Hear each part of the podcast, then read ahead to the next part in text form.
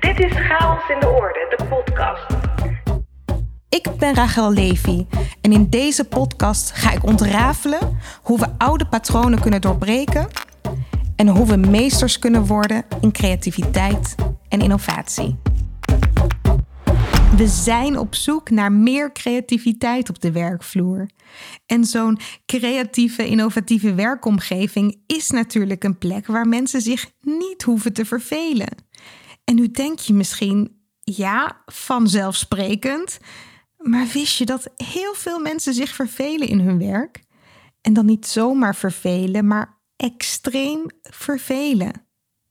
Nu heb ik me nooit extreem verveeld, maar wel verveeld. In mijn loopbaan heb ik bij verschillende werkgevers gewerkt en je zou zelfs kunnen zeggen dat ik banen versleet. Want ik heb nooit langer dan drie jaar ergens gewerkt en meestal was het korter. En dan in het begin, als de baan nieuw was, had ik nooit last van enige verveling. Dat herken je misschien, dan is alles interessant. Ik moest mijn eigen plek nog zien te vinden, mijn functie vormgeven, collega's leren kennen, de organisatie leren snappen, me verdiepen in de inhoud. En als ik dat wel zo'n beetje doorhad, kon ik lekker gaan knallen. En ik heb altijd een hoog werktempo gehad. Daar kreeg ik ook energie van. En dan het liefst hield ik me bezig met allerlei ontwikkelingen en projecten tegelijk. Maar vroeg of laat, en meestal vroeger dan later, kwam er altijd een moment dat ik me comfortabel begon te voelen in de functie. Te comfortabel.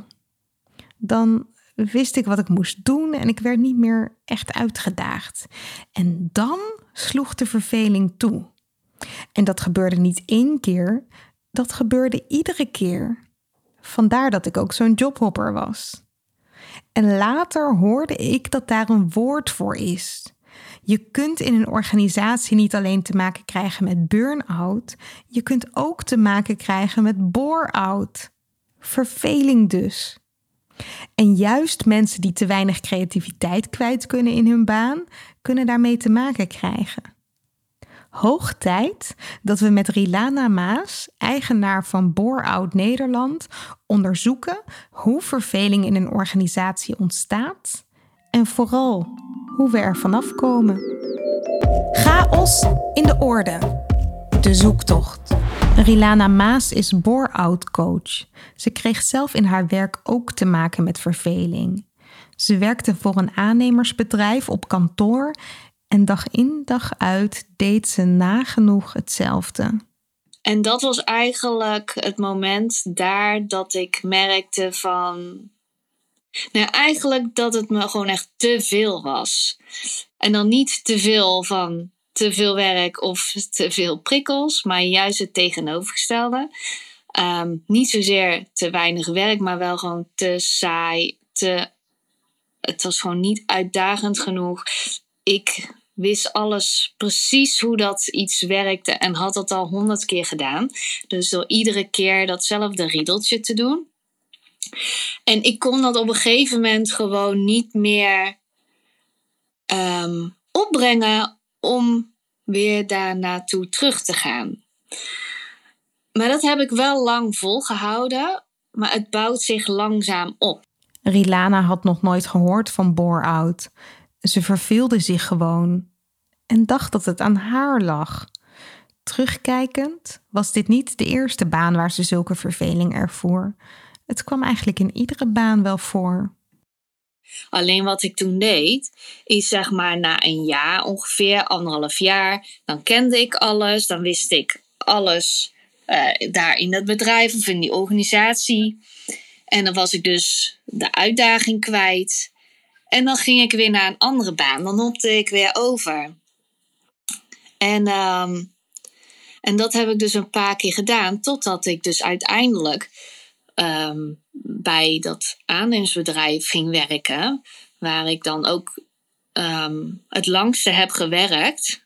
Um, ik heb daar totaal vier jaar gewerkt. Voor mij is dat dus echt heel erg lang. Maar dat kwam ook omdat ik. Ik had net kinderen. Um, dat was ook een hele aardige werkgever. Het was dicht bij huis. Dus ik had zo allemaal in mijn hoofd. Het had ook allemaal wel zo zijn voordelen. En, ehm, en het verdiende prima. Nou, en ik vond dat ik niet mocht zeuren. Dus ik heb daar heel, ja, voor mij dus heel lang gewerkt en volgehouden. Volhouden. Zo voelde het voor Rilana. Ochtends besluiten: kom op, ik bijt even door die verveling heen. En werk hoeft toch ook niet leuk te zijn? Maar het werk werd steeds lastiger om te doen. Ja, ik verveelde me dus zo enorm ehm, in mijn werk dat ik op een gegeven moment moeite had met mezelf te concentreren op, op mijn werkzaamheden. Dat ging gewoon niet.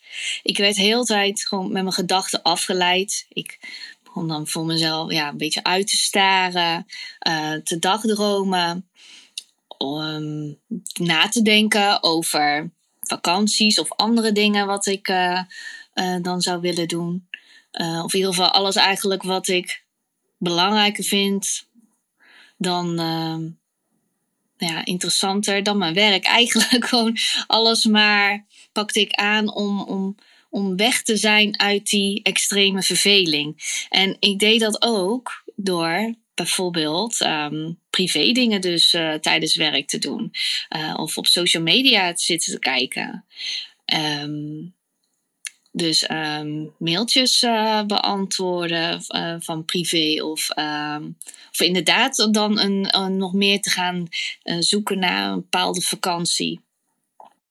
Dat soort dingen.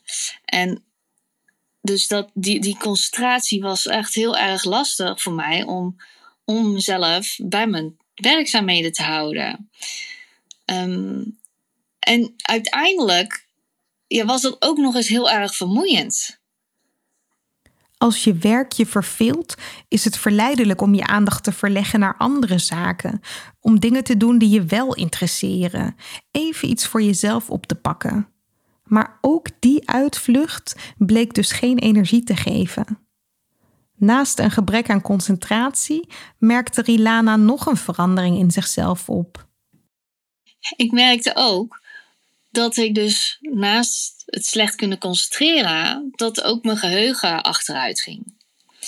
Um, ik dacht eerst dat het eigenlijk met de zwangerschappen te maken had, maar dat duurde veel te lang.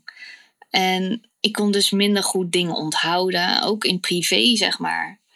Um, gelukkig is dat daar allemaal wel weer bijgetrokken.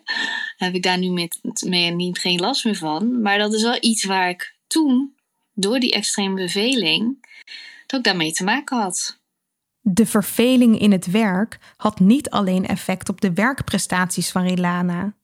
De klachten die bij verveling kunnen horen, zoals vermoeidheid, hadden ook invloed op de Rilana buiten werk. Naast na mijn werk was ik dus zo moe dat ik eigenlijk ook geen zin had om dan ook nog andere dingen te doen. En ik werd er ook gewoon heel erg lusteloos van het kostte me allemaal veel meer moeite. Ja. Dus het werkt ook door in je privésituatie. En in het begin, dan, dan gaat het allemaal nog wel en is er balans. Het is niet iets wat je dus uh, um, wat je snel door hebt. Het gaat heel langzaam. En um, ja, dat, dat, dat, dat had ik dus toen niet zo in de gaten. Rilana had dus zelf niet in de gaten hoeveel impact de verveling op haar werk op de rest van haar leven had. En de werkgever had het ook niet in de gaten. Daarvoor maskeerde Rilana de verveling te goed. Ik deed gewoon net alsof soms. Dus alsof ik het druk had of dat ik druk bezig was. En het was dus niet zo dat ik niets te doen had, maar ik wist precies wat ik moest doen en hoe lang dat ik daarover deed. En ik probeerde dat ook gewoon uit te stellen. En mijn werk was altijd wel af hoor. Ik deed gewoon heel goed mijn werk, was niks mis mee. Maar diep van binnen ging ik er gewoon echt aan, aan stilletjes aan onderdoor. En ik durfde dat echt niet tegen mijn leidinggevende te vertellen. Ook niet tegen mijn collega's. Rilana voelde zich niet echt schuldig. Ze deed wat van haar verwacht werd. Maar ze deed ook niet meer dan dat. Iemand anders zou de functie misschien met meer bevlogenheid uitvoeren, net even dat stapje extra lopen. En in die zin voelde ze zich wel wat bezwaard. In elk geval beschaamd. Beschaamd genoeg om het er niet over te hebben, zodat de situatie in stand werd gehouden. En als ik dit zo hoor, zie ik iemand voor me die achter zijn bureau langzaam opbrandt. Toch is er een verschil tussen opbranden door een burn-out of een bore-out. Daar is best wel veel verwarring over, zegt Rilana. Nou, er zit een groot verschil tussen die twee, tussen de burn-out en bore-out. En ik snap dat er heel veel mensen, dat er vaak verwarring over is. Er zijn heel veel mensen die, um, die met een burn-out, um, met de label burn-out thuiskomen te zitten, maar eigenlijk een bore-out hebben. En dat is omdat bij een bore-out kan je het dus ook ontzettend druk hebben. Het hoeft niet per se dat je te weinig te doen hebt. Kijk, simpel gezegd uh, is zeg maar een burn-out ben je overprikkeld en bij een bore-out onderprikkeld. Um, en ze lijken in die zin ook wel op elkaar, omdat de symptomen uh, op elkaar lijken. Um, je kan dezelfde klachten ervaren, alleen wat eronder zit, zeg maar, dat is zeg maar um, dat is gewoon totaal anders. Dus wat er in je gebeurt, is totaal anders. Dus van beide kan je vuurtje van binnen uitgaan. Alleen de oorzaak is anders. Hoewel de klachten op elkaar kunnen lijken, denk aan vermoeidheid, lusteloosheid, moeite hebben om naar je werk te gaan, is de oorzaak anders. En de oplossing dus ook. Kijk, bij een burn-out, dan is het over het algemeen hè, dat je rust moet pakken. Um, zo kreeg ik dus gisteren ook een, eh, een DM van een vrouw die um, vroeger heeft zij uh, de label burn-out gekregen.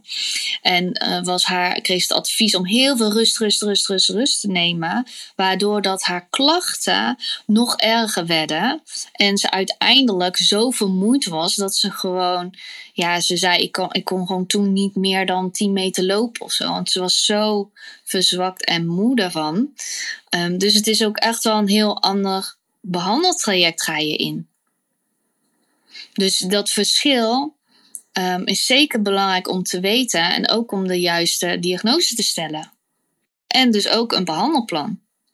Als je bij extreme verveling het advies krijgt om rust te nemen, kun je je voorstellen dat de verveling alleen maar groeit, net als de lusteloosheid. Om te begrijpen wat er speelt is een goed gesprek noodzakelijk. En in zo'n gesprek vraagt de leidinggevende bij voorkeur door naar de oorzaken van de klachten. En het liefst kaart de leidinggevende dan zelf het onderwerp verveling aan. Het is natuurlijk ook heel spannend om het toe te geven voor de werknemer. Dus die zal niet zomaar zeggen van, nou eigenlijk nu je het vraagt, nee eigenlijk uh, verveel ik me heel erg. Dus het is niet zo um, simpel door um, één keer dat gesprek aan te gaan, maar eigenlijk vaker. En ook heel goed op te letten. Gewoon te kijken van wat, wat doet die persoon. Um, hoe, hoe zit hij achter zijn bureau? Hoe gedraagt die persoon zich? Hoe vaak loopt hij bijvoorbeeld naar het koffieapparaat? Of, um, hè, is dat, uh, of, of naar, naar buiten om te roken? Of hè, hoe vaak um, is, is iemand dan bezig met andere dingen? Je vervelen in je werk is een taboe. Zeker als je collega's het altijd druk, druk, druk, druk, druk hebben. De kans dat iemand zelf verveling als onderwerp op tafel legt is klein. Dan helpt het als de leidinggevende observaties deelt en bespreekbaar maakt. Misschien met, met een voorbeeld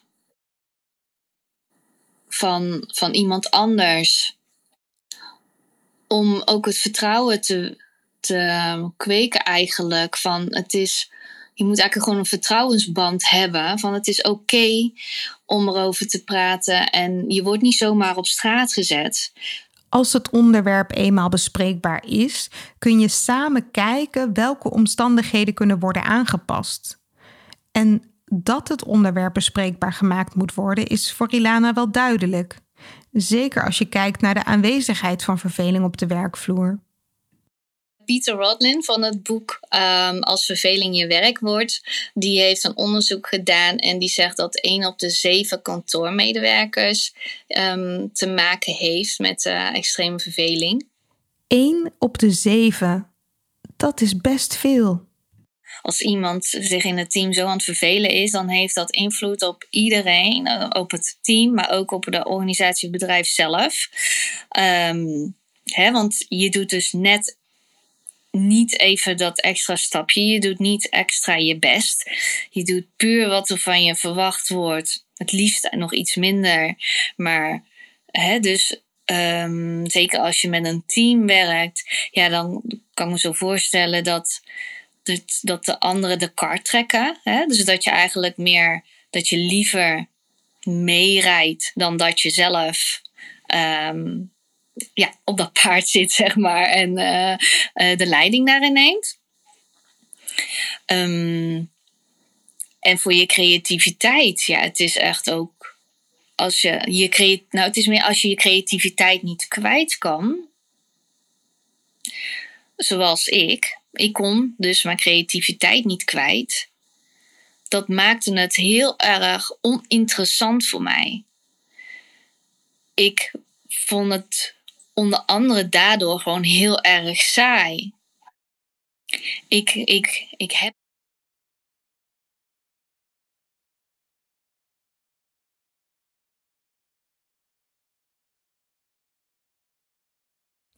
Als jij achteroverleunt, moeten anderen harder werken.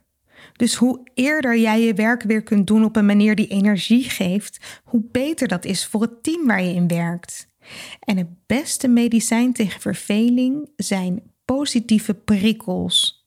Een uitnodiging om mee te denken, om iets nieuws uit te proberen, iets te ontwikkelen, je creativiteit in te zetten voor de organisatie. Af en toe iets nieuws doen, iets heel anders dan je dagelijks doet. Maar dan niet zomaar iets nieuws. Nou, het gaat er wel om dat je dus als je dan aan een project werkt, dat het wel iets is wat jouw zingeving voedt. Dus dat het wel iets is waar je achter staat, wat jij belangrijk vindt en waar jij graag je tijd aan wil besteden. Kijk, als dat zo is, kijk, dan kan je losgaan met creativiteit en dan wordt het juist extra waardevol en hè, dan maar wanneer dat de basis eigenlijk al niet je interesse heeft dan dan ook al voeg je dan creativiteit eraan toe. Dat zou wel voor een, tijdje misschien kunnen werken. Dat het soort verrassend werkt. Maar uiteindelijk kom je weer in dezelfde situatie terecht. De noodzaak om werk te doen dat bijdraagt aan een gevoel van zingeving is in de huidige generatie werkende veel belangrijker dan vroeger. Ga maar na de generatie van je grootouders hield zich waarschijnlijk vooral bezig met brood op de plank brengen. En misschien vonden je ouders zekerheid ook nog belangrijker dan zingeving. Nu is dat aan het veranderen. Nou, mensen denken nu wel meer na over, over hun geluk en over, um, ja, over hun leefstijl, um, over wat ze willen brengen, wat ze willen geven. Als je die zingeving niet ervaart en je komt in een patroon van extreme verveling in je werk, is de enige oplossing in beweging komen. Wat daarvoor nodig is, hangt wel af van de gradatie waarin je verveling ervaart. Als je net een, kijk, als je balans hebt in je leven, dus het kan zijn dat je je werk wel heel erg onuitdagend vindt, maar als je dat uh, als je privé daar weer heel veel leuke dingen tegenover zet, uh, heel veel waar je wel de juiste prikkels en de juiste hoeveelheid uh, van krijgt, waar je energie van krijgt, dan kan je daar wel balans in hebben voor best wel een tijdje. Maar op een gegeven moment zal je merken dus dat dat zich doortrekt ook naar je privé situatie. Nou, wat je dan gaat doen is relativeren. Dus dan voel je eigenlijk wel van ja, ik weet wel, ik ben verveeld. Maar ik, zoals bij mij bijvoorbeeld, ik woon dichtbij. Het verdient goed. Het is, het is um, ik heb aardige collega's. En het is ook vrij gemakkelijk, hè? want je weet precies wat je ervoor moet doen en zo. Kijk, als je naar een andere baan switcht of zo, dan is het ook weer, dan weet je niet wat je kan verwachten. Dus um, je gaat relativeren, waardoor dat je nog langer in die situatie blijft zitten. Nou, uiteindelijk krijg je er klachten van. Dat kunnen allerlei klachten zijn, hoge bloeddruk. Zelf had ik te maken met migraine. Um, maar denk ook aan bijvoorbeeld prikkelbaarheid. Dat je gewoon chagrijnig wordt. Um, nou, vermoeidheid hadden we al gehad natuurlijk. Maar er zijn heel veel uh, symptomen die, je daarvan, uh, die je ervan kan krijgen. Nou, en vervolgens um, kan het ook zo zijn dat nog een, stapje, een stapje verder gaat en dat je gewoon crasht eigenlijk. Dus dat je niet, dat het je niet meer lukt om, om überhaupt naar je werk te gaan. Dat je het niet meer kan opbrengen en dat je in de ziektewet komt. Dat je stilvalt. Dus er zijn best wel ja, gradaties in waarin iemand in kan zitten.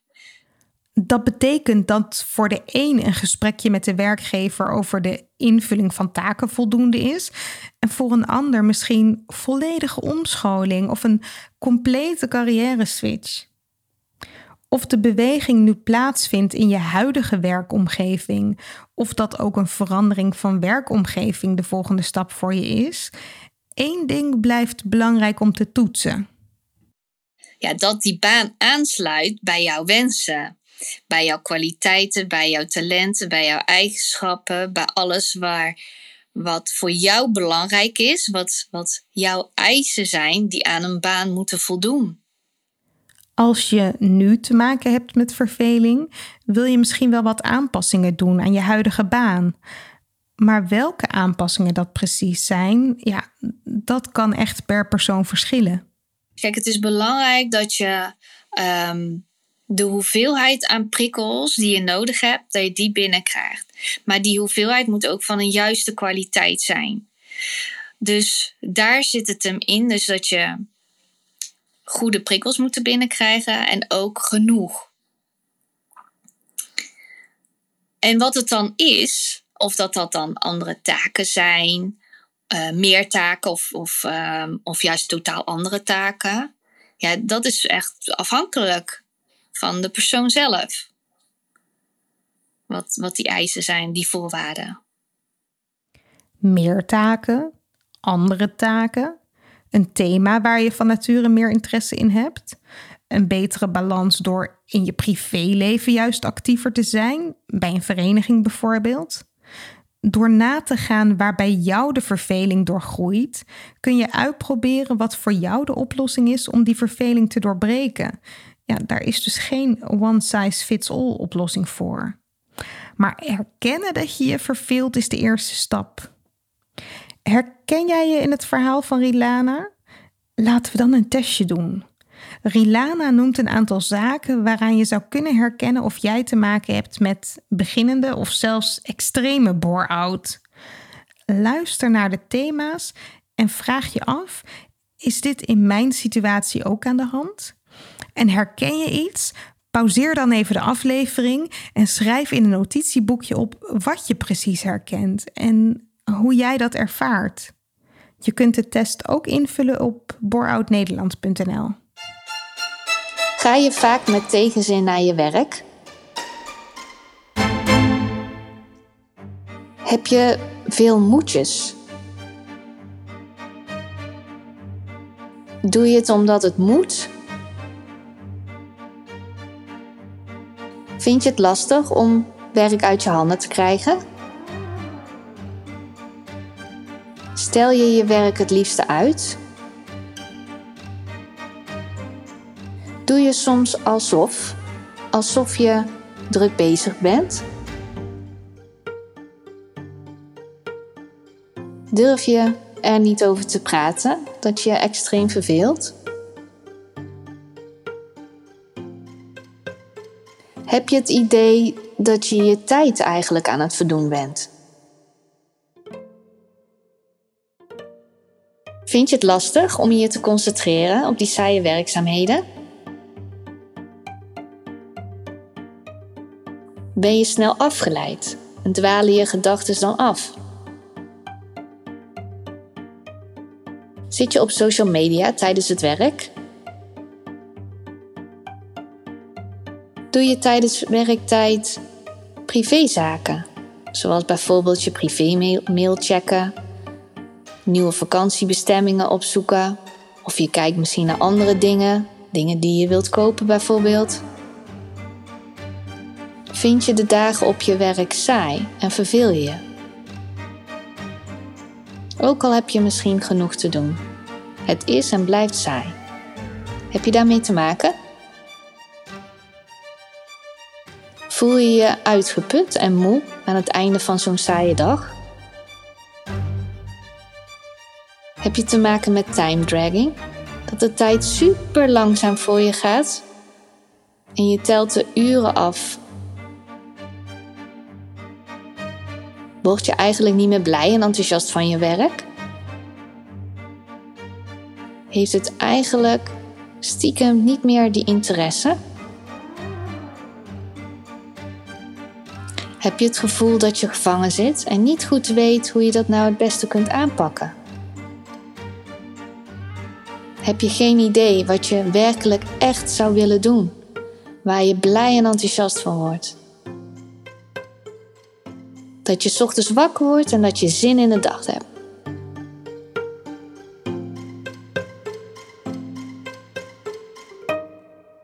Was dit confronterend om te doen?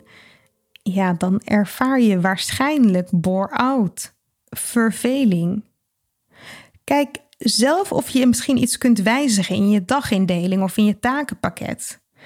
Maar zie je zelf geen uitweg? Bespreek het dan met je leidinggevende. je hebt er nu een naam voor: bore-out. Je wordt gewoonweg onvoldoende geprikkeld. En daar is iets aan te doen. Ik gun je dat als je ochtends wakker wordt, je wekker gaat en dat je ogen open doet en dat je denkt: ja, ik heb zin in de dag. Ik voel me goed en ik heb energie. En de dingen die op mijn lijstje staan, daar heb ik zin in. Dat je enthousiast wordt en blij van de dingen wordt die je, ja, die je gaat doen die dag. Chaos in de orde. De zoektocht. In de introductie van deze aflevering deelde ik mijn eigen ervaring met verveling. En de waarheid is, ik zou waarschijnlijk nog veel sneller verveeld zijn geraakt als ik me niet had bekwaamd in intrapreneurschap. Voor mij betekende intrapreneurschap dat ik me intern in de organisatie opstelde als een ondernemer. Dat ik altijd zelf op zoek ging naar kansen of die kansen creëerde en dat ik niet alleen mijn eigen taken uitvoerde, maar altijd keek waar kan ik nog meer iets bijdragen? Voor wie kan ik iets doen? Waar kan ik iets ontwikkelen? Voor welk team kan ik iets verzinnen? Of aan wie kan ik nog iets leren wat ik kan en wat de ander graag wil weten of leren of ervaren? En in de eerste jaren van mijn loopbaan was ik daar nog heel bescheiden in. Dat herken je misschien wel van, oei, niet te veel buiten mijn boekje hoor. En toen gaf ik dus mijn nevenactiviteiten ook vooral vorm buiten de organisatie. En dat was fijn, want dan was er toch altijd voldoende ontwikkeling en voldoende dynamiek in mijn leven. Ook als ik in mijn werk al iets te veel routines begon te ervaren. Nou, de laatste jaren van mijn loopbaan werd ik echt steeds minder bescheiden in dat intrapreneurschap. Nam ik steeds meer ruimte om zoveel mogelijk mezelf te zijn en binnen de organisatie te doen wat ik leuk vond op een manier die mij energie gaf. Want ik wist, als ik nou meer energie heb, dan kan ik ook meer energie geven. En dan kom ik toch tot veel betere resultaten voor de organisatie. Maar goed, het leverde ook wel eens spanning op. Want je kunt je voorstellen dat ik op een gegeven moment zoveel nevenactiviteiten had. dat mijn oorspronkelijke functie en taken wel wat naar de achtergrond verdwenen. Nou, het leuke is, één werkgever heeft echt mijn interne ondernemerschap beloond. Doordat ik ruimte nam, kreeg ik hem op een gegeven moment ook. Sterker nog, er werd zelfs iemand aangenomen voor de oorspronkelijke rol die ik had. En ik mocht verder in de functie die ik zelf had gecreëerd. Ja, dat was natuurlijk enorm aanmoedigend. En daardoor durfde ik ook bij mijn volgende werkgever veel sneller die ruimte te nemen. Alleen toen, bij mijn laatste werkgever, merkte ik dat mijn nevenactiviteit, eh, dat mijn nevenactiviteiten sorry, echt gewoon te veel aandacht gingen vragen. En uh, hoewel mijn werkgever toen ook heel veel ruimte gaf, merkte ik zelf dat het begon te knagen, omdat ik mijn rol niet meer kon invullen zoals ik dat zou willen, hè, volgens mijn standaard. Nou ja, en dat was toen voor mij het setje om van mijn nevenactiviteiten mijn nieuwe beroep te maken. En het intrapreneurschap te verruilen voor entrepreneurschap. En uh, één ding is zeker, ik verveel me nu geen dag. Maar mocht jij je nu wel vervelen, weet dan, je bent niet de enige. Eén op de zeven kantoormedewerkers heeft ervaring met extreme verveling. En juist voor jou is chaos in je orde nu belangrijk. Alsjeblieft, geef jezelf de toestemming om te spelen, om voorbij je huidige taken te denken en jezelf te zien als interne ondernemer die zelf zijn functie kan vormgeven. En is dat spannend? Ja, misschien wel. Maar je organisatie heeft veel meer aan jou als je vol energie net even dat stapje meer zet. Dus probeer het toch maar. Creativiteit, innovatie. Het lijkt omgeven door een mysterieuze mist.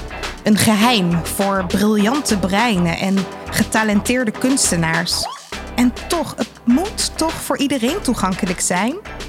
Aflevering voor aflevering graaf ik steeds een stukje dieper. Ben jij enthousiast? Abonneer je dan op deze podcast en laat een review achter in de app waarmee je luistert. Hoe meer reviews we ontvangen, hoe meer mensen deze podcast kunnen vinden. Zo zorgen we samen voor meer chaos in de orde. Wil jij zelf chaos in de orde brengen? Download dan gratis het e-book Chaos. 10 manieren om patronen te doorbreken. Je vindt het op chaosindeorde.nl/slash podcast. Deze podcast wordt je aangeboden door Huis van Verbeelding, het bedrijf voor zakelijke creativiteit. Tot de volgende keer en veel chaos!